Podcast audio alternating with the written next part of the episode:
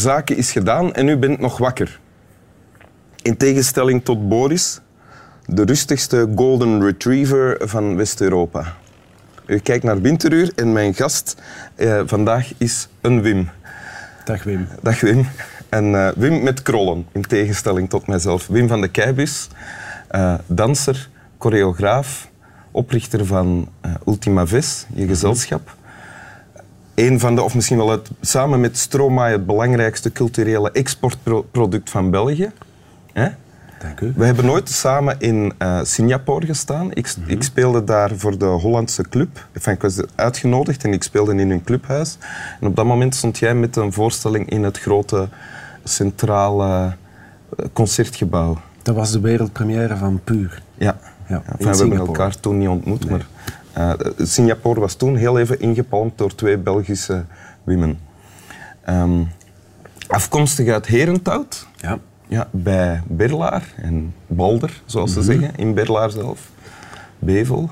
Eh, je staat versteld door, van wat ik allemaal over jou weet Ja, waarschijnlijk. dit blijkbaar. Ja. Goed geïnformeerd. En je hebt ook een tekst meegebracht. Klopt. Wil je die voor ons voorlezen? Ja, het is een tekst in het Engels. Ik hoest nog snel voor aan de tekst beginnen. If you ever leave before I wake, I will follow you in dreams. A snake around your feet, your arms, your neck. Sleeping in your hair at day, chasing all your fears away at night. Nothing's right and nothing's wrong, as long as you will stay. But if you decide to disappear, disappear without a trace. Do not save a single kiss of me. I will search and find a thousand seas to drown my memories of you. Swaying hair like seaweed, dolphins wear your smile, fishes' lips as soft as breasts. Everything weighs less in water, even grief. So if you want to leave me, leave, but do it just the way a tear drops into the sea. Hele brok tekst. Ja, Wat is dit? Eh, dit is een tekst van Peter Verhelst, die Peter geschreven heeft eh, voor de voorstelling Blush. Een van jouw voorstellen. Een van onze voorstellingen die eigenlijk indirect over Orfeo en Eurydice ging. Dus het gaat dus over het verlies van, eh, van iemand. Ja. Maar als ik de tekst probeer te begrijpen, dus de, eerst wordt er gezegd, als je weggaat, dan ga ik met je mee, zoals een slang. Eh, en dan kruip ik zoals een, als een slang in je haar en ik blijf bij je. Eh, maar als je blijft, is alles oké. En dan zegt hij opnieuw, maar als je eh, verdwijnt, dan is, het, dan is alles goed en dan wil ik niet meer aan je denken of dan wil ik je vergeten. Zo probeer ik samen te vatten wat, wat er in de tekst staat. Komt dat in de buurt van... eh, Ja, tekstinterpretatie is natuurlijk heel vrij, maar ik denk, als ik dit zie, voel ik dat Peter eh, iets heeft willen verwoorden dat ehm, we eigenlijk zouden moeten leren waar we aan gehecht zijn, wat we lief hebben, net omdat we dat lief hebben, om dat ook te laten gaan.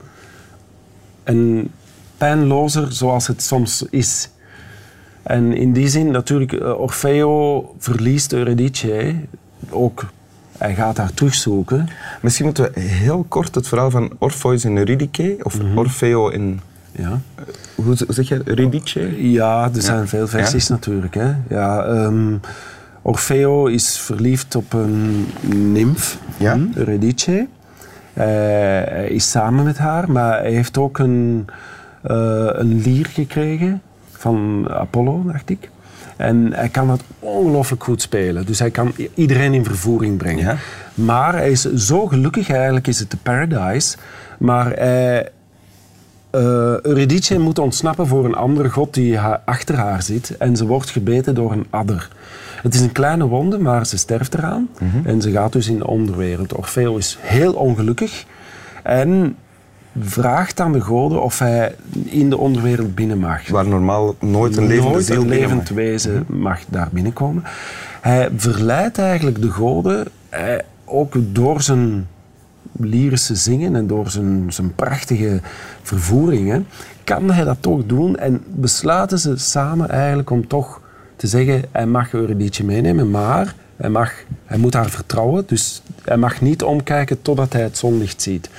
Hij is onderweg en hij vraagt een aantal vragen aan Eurydice. Eurydice uh, antwoordt, maar één van de vragen test zij hem eigenlijk, antwoordt ze niet. En hij voelt van, ze is er niet meer, ze is er niet meer. Hij kijkt om en hij verliest haar. En dan leeft hij in het uh, after paradise eigenlijk. En is hij een heel onpopulair iemand, omdat hij alle liefde wegbandt. Dus geen enkele nimf kan hem bereiken. Oké, en de fout die Orpheus heeft gemaakt, is dat hij... Haar niet vertrouwde. Ja. Dus liefde heeft natuurlijk veel te maken met vertrouwen. Het is een, ja, het is een mythe. Een mythe zit altijd vol addertjes, laat ons zeggen. En over eh, dat verhaal, over die mythe, ging jouw voorstelling? Of dat was de basis van het was, voorstelling? Blush ging over liefde. En uh, ik was eraan bezig en Peter Verhelst kwam na een maand en hij zei... Ja, eigenlijk ben je bezig met Orfeo en Eurydice. Dat wist je zelf nog niet? Eigenlijk niet. Ik, ik, was bezig met iets. Ja, ik, ik, denk altijd heel veel zelf uit te vinden. En dan komt er iemand anders en zegt, ja, je bent eigenlijk daar Dat is eigenlijk van mij en dat is van een... Ja. ja. Maar ik, ik, hou daarvan, maar natuurlijk voel je dat de mythologie zit overal in verweven en, en heeft iets heel universeels. En wat ook heel mooi was, en we hebben dat dan eigenlijk toch op een heel vrije manier daarmee bezig geweest. Ik denk dat ik ooit Orfeo en Eurydice nog wel eens terug moet doen en echt zeggen, nu, nu, nu vertrek ik daarvan. En toen heeft Peter heel veel geschreven, fantastische teksten. En dit ging dus, ja, er zaten ook beelden in dat mensen in een scherm duiken en eigenlijk in het water terechtkomen met dolfijnen. Ja. En het soort, de Paradise hadden we ook, de After Paradise en zo. En uh, Ina Geerts speelde eigenlijk de vrouw die verloren werd. Ja. Die dus ook een kikker uit haar mond liet zwemmen onder water. En dat waren heel straffe In de voorstelling? Op beeld. Ah, op beeld. Ah, ja, dat was gefilmd. Ja. Ja, In het Dolfinarium in Brugge hebben we dat gefilmd trouwens. Ja. En uh, Peter heeft die tekst geschreven en dat was een tekst die moest opgenomen worden. En ik heb die toevallig opgenomen. Dat was zo, iedereen ging eten en ik zei tegen de, tegen de geluidstechniek, ik zeg, laat die micro eens aan. En zeg hoe dat doet. En ik heb dat zelf opgenomen terwijl iedereen aan het eten was. En dat is zo in de voorstelling gebleven. Ah, je hebt het zelf ingelezen? Ja. Zoals je daarnet deed? Ja. ja. En dat is zo in de voorstelling gebleven. Ik stond dan zelf op scène en ik, ik raakte het scherm aan. En ik hoorde dus altijd mijn eigen tekst.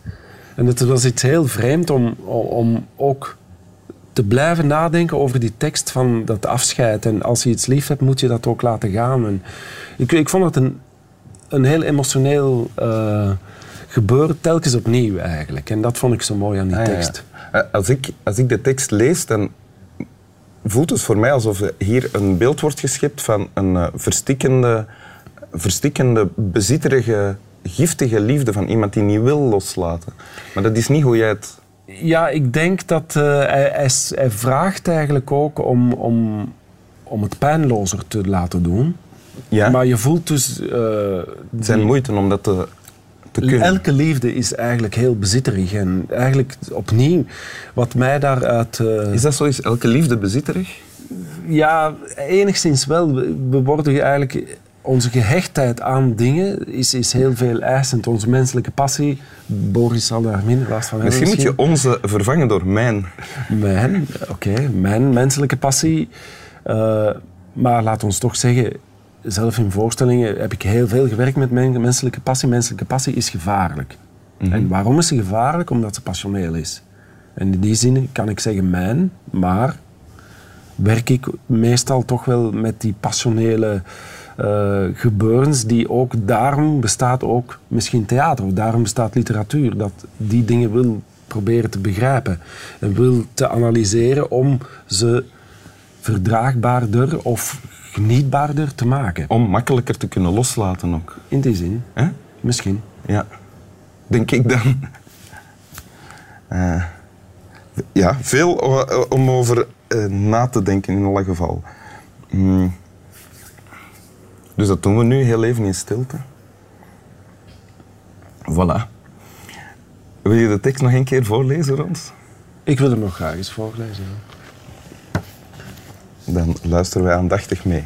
Ook Boris, al die de indruk geeft van... ergens anders te zijn met zijn gedachten.